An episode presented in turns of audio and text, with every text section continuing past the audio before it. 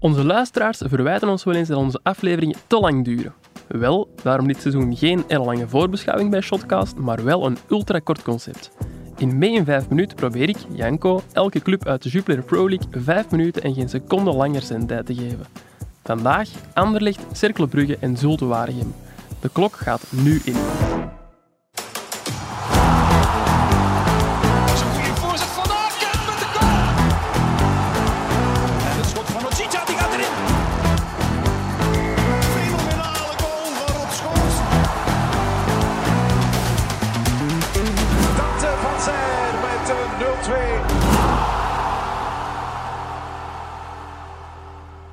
Normaal zou er nu iets volgen als eh, dag Gert, dag Lars of dag Guillaume, maar nu dus niet. Ik mag het alleen doen en zoals elke eerste keer wordt dat nog licht onwennig. Maar gelukkig krijg ik eh, tijdens deze reeks de hulp van onze clubwatchers. En beginnen, dat doen we met een stevige klepper. Felice Mazou is de nieuwe veldheer bij Anderlecht. Een veldheer die hoge verwachtingen heeft van zijn nieuwe peloton soldaten. Anderlecht, euh, Anderlecht est un club euh, qui doit avoir comme ambition d'être champion, tout simplement. Een nieuwe coach dus voor Anderlecht. En eentje die meteen zijn ambitie toonde, zo hoorden we bij de collega's van de VRT. Ik was zelf ook aanwezig op die voorstelling van Matsu en vragen over zijn vertrek bij Union wilde hij daar niet beantwoorden. Ik heb mijn oor daarom eens te luisteren gelegd bij Jurgen Geril, onze Anderlecht-watcher. Dag Jurgen. Dag Janko. Het eh, minste dat we kunnen zeggen is dat de overgang van Felice Matsu naar Anderlecht niet vlekkeloos is verlopen. Is ondertussen juridisch alles geregeld tussen eh, Anderlecht en Union? Um, Mazou is alleszins eh, bezig bij Anderlecht en het is niet dat Union hem van het trainingsveld komt plukken. Dus ehm, ja, een deal is er nog niet, denk ik. Als je bij Anderlecht vraagt hoe de situatie is, dan zeggen zij meestal geen commentaar. Wat doet vermoeden dat er nog geen akkoord is tussen de twee clubs. Maar ehm, dat komt waarschijnlijk wel in orde, eventueel via gerechtelijke weg. Goed, bij deze weten we al wie de nieuwe trainer van Anderlecht is, maar wat weten we over de nieuwe gezichten? De Mercato. Eigenlijk wel wat vertrekkers bij Anderlecht. Bakali, Vlap, Kobout en Saïef, om er maar een paar te roepen. En dan hebben we het nog niet eens over de basisspelers. Want met Kouame en Zirkzee zag Anderlecht ook zijn eh, gehuurde voorhoede weer andere oorden opzoeken. Peter Verbeke die heeft wel werk gemaakt van hun opvolgers, want met Abdul Razak, Angulo en Esposito haalde Anderlecht deze zomer ook al twee flankspelers en een spits binnen. Met Fabio Silva is ook nog de man van 40 miljoen op komst. Allee, toch op het moment dat we dit aan het eh, opnemen zijn. Felice Mazzu mocht trouwens nog een speciale nieuwkomer verwelkomen. Nu ja, nieuwkomer. Adrien Trebel vraagt zich nog maar eens af of hij dit seizoen wel een kans krijgt bij Parswit. Misschien heeft Jurgen Geril het antwoord wel. Dat is nog een beetje koffiedik kijken. Natuurlijk, eh, onder compagnie was Trebel volledig verbannen. Eh, die, was, die was weg, geen enkele kans meer op eh, de A-kern. Die situatie is natuurlijk veranderd, omdat uh, Mazou alle spelers een nieuwe kans wil geven. En er is natuurlijk wel een, eh, een klik tussen uh, Mazou en, Trebel. Niet omdat ze dezelfde manager hebben, want uh, Mazou heeft Moji Bayat niet meer als, uh, als makelaar. Maar in het verleden uh, ging Trebel wel eens met uh, Moji naar uh, Charleroi kijken. En daar heeft hij Mazou wel ooit gesproken.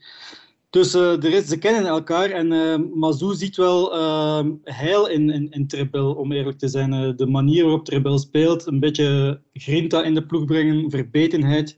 Ja, dus het kan wel zijn dat Trebel een nieuwe kans krijgt, al zal hij moeten concurreren met, met jongeren. Uh, centraal op het middenveld is er heel veel concurrentie natuurlijk. Uh, je hebt Ashimeru, je hebt Olsen, je hebt Kana. Uh, dus uh, ja, het wordt een strijd. Goed, dat was de serieuze noot, want dit zou natuurlijk Shotcast niet zijn zonder een nutteloos weetje.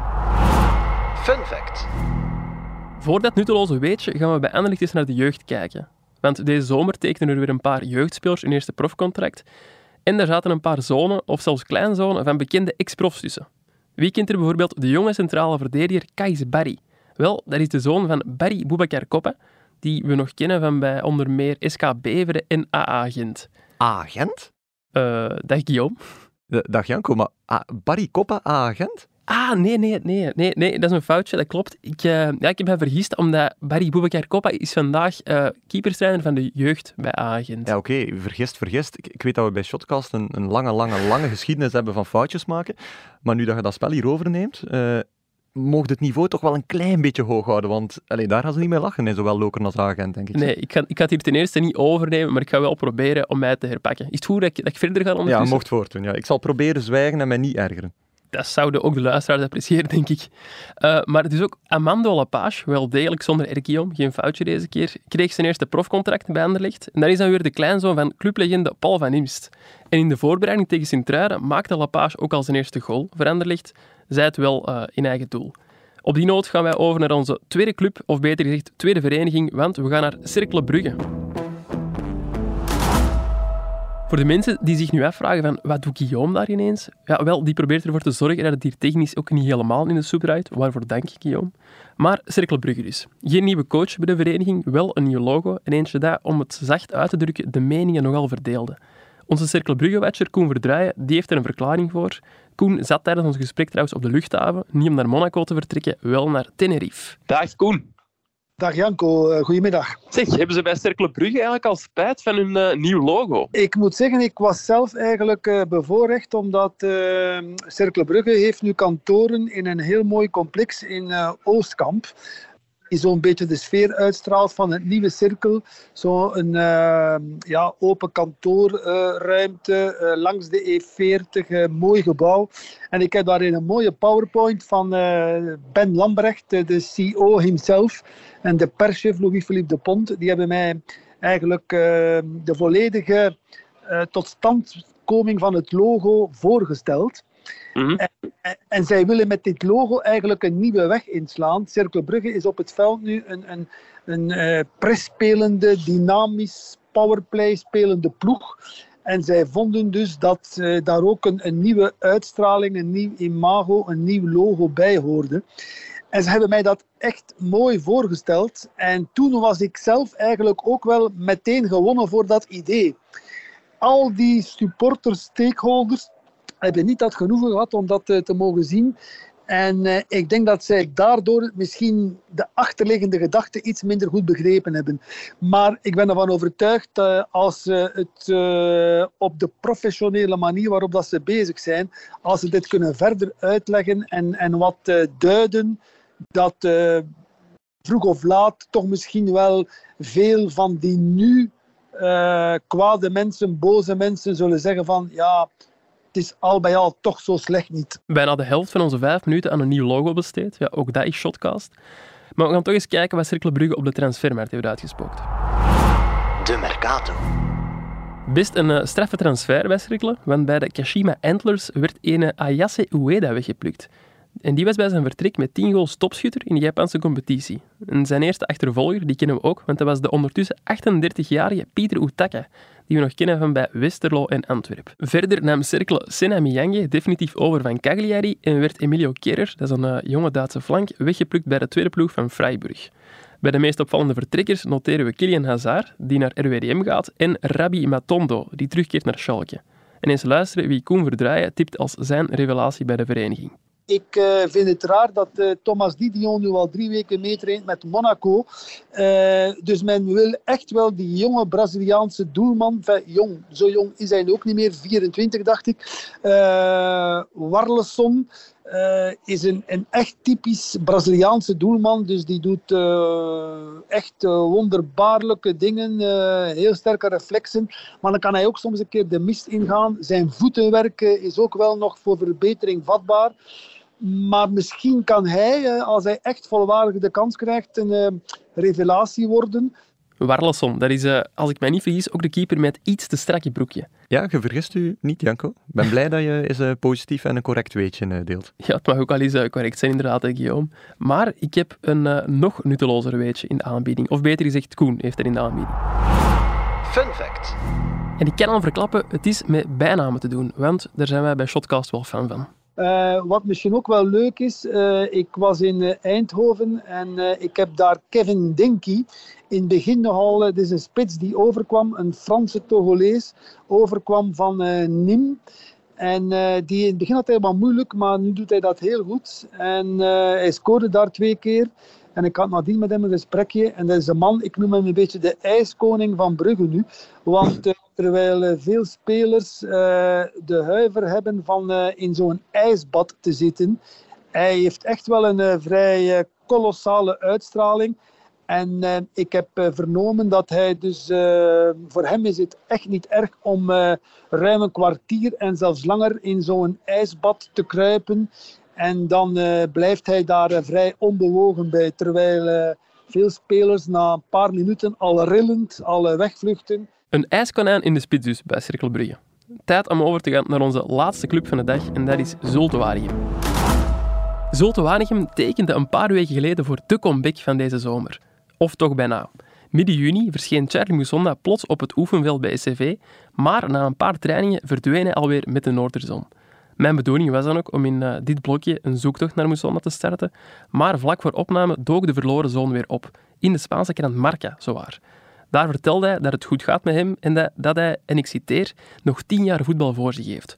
Twee om me klaar te stomen en acht om op het hoogste niveau te spelen. Misschien maak ik mijn comeback wel in Spanje. Dat weten ze dan ook weer al bij uh, Zulte Waregem. Wie bij Zulte Waregem wel effectief terug is zijn weg geweest, dat is een Leijen. De Senegalees volgt aan de Gaverbeek het duo Timmy Simons-Davy de Fou op. Te lang gaan we daar ook niet bij stilstaan, want er is een nog interessantere transfer om te bespreken. De Mercato. Met die interessante transfer bedoel ik niet een van de nieuwkomers, Miroshi, Borja Lopez, Nicola Rommens, Mamadou Sangaré of Alexander Drambaev, maar wel Stan Braam. Braam die maakte zeven jaar geleden zijn debuut in vierde provinciale en voetbalde vorig seizoen tussen het schilderen door nog bij tweede nationale SKV Zwevenzelen. Eind vorig seizoen mocht hij al eh, een maand meetrainen bij Cirkel Brugge, maar daar werd hij doorgestuurd. Uiteindelijk vond hij dan toch onderdak bij Zulte Waregem. Eh, Janko, Janko, wacht keer even. Uh, ja, Guillaume? Heel leuk stukje over Stan Braam, maar misschien ook nuttig als je de positie van de man uh, ook uh, eens meegeeft aan onze luisteraars. Ah ja, dat is inderdaad een foutje. Stan uh, de man is een spits. Oké, okay, spits. Goed. Continue, please. Ja, dat gaan we doen. mooi verhaal dus van Stan Braam, maar onze Zulte Waregem-watcher Jorven Messiaan, die typt nog iemand anders als zijn revelatie bij Zulte Waregem. Bij Zulte Waregem denk ik dat Alexander Drambaev, beter bekend als Sasha, of zo moeten we hem toch noemen, um, Sasha de revelatie zal worden. Um, Sasha is een uh, Oekraïense linksachter, uh, gehuurd met aankoopoptie van uh, Shakhtar Donetsk. Daar werd hij vorig jaar uitgeleend aan Mariupol, maar ja, door de gekende omstandigheden lag hij daar al een, een tijdje stil. Um, ja, ik, ik zeg hem omdat ik vind dat hij een enorme fysieke presence heeft. Um, hij is iemand die zonder problemen 90 minuten lang de linkerflank kan. Um, ik heb hem ook laten vertellen dat zijn medische testen fantastisch waren. Een van de beste die ze al gezien hadden. Uh, zo vertelde men mij dat hij een hartslag in rust heeft van uh, niet meer dan 36. Uh, dat lijkt mij toch zeer straf. Gezond, daar ga ik mij niet over uitspreken, maar het is op zijn minst wel impressionant. Er komt er ook nog eens bij dat hij ook een heel hoge VO2 max heeft. Um, en hij kan ook aardig voetballen. Het is iemand die vooral op snelheid weliswaar, maar die wel zijn man voorbij kan en uh, de achterlijn kan halen. Dus ja, ik verwacht heel veel goeds van hem. Amai, dat is een uh, straffe hartslag van onze vriend Drambaev. En dan moet onze Fun Fact rubriek eigenlijk nog komen. Fun Fact. Jorven die gaat voor ons een uh, poging doen om de hartslag van Drambaev te overtreffen.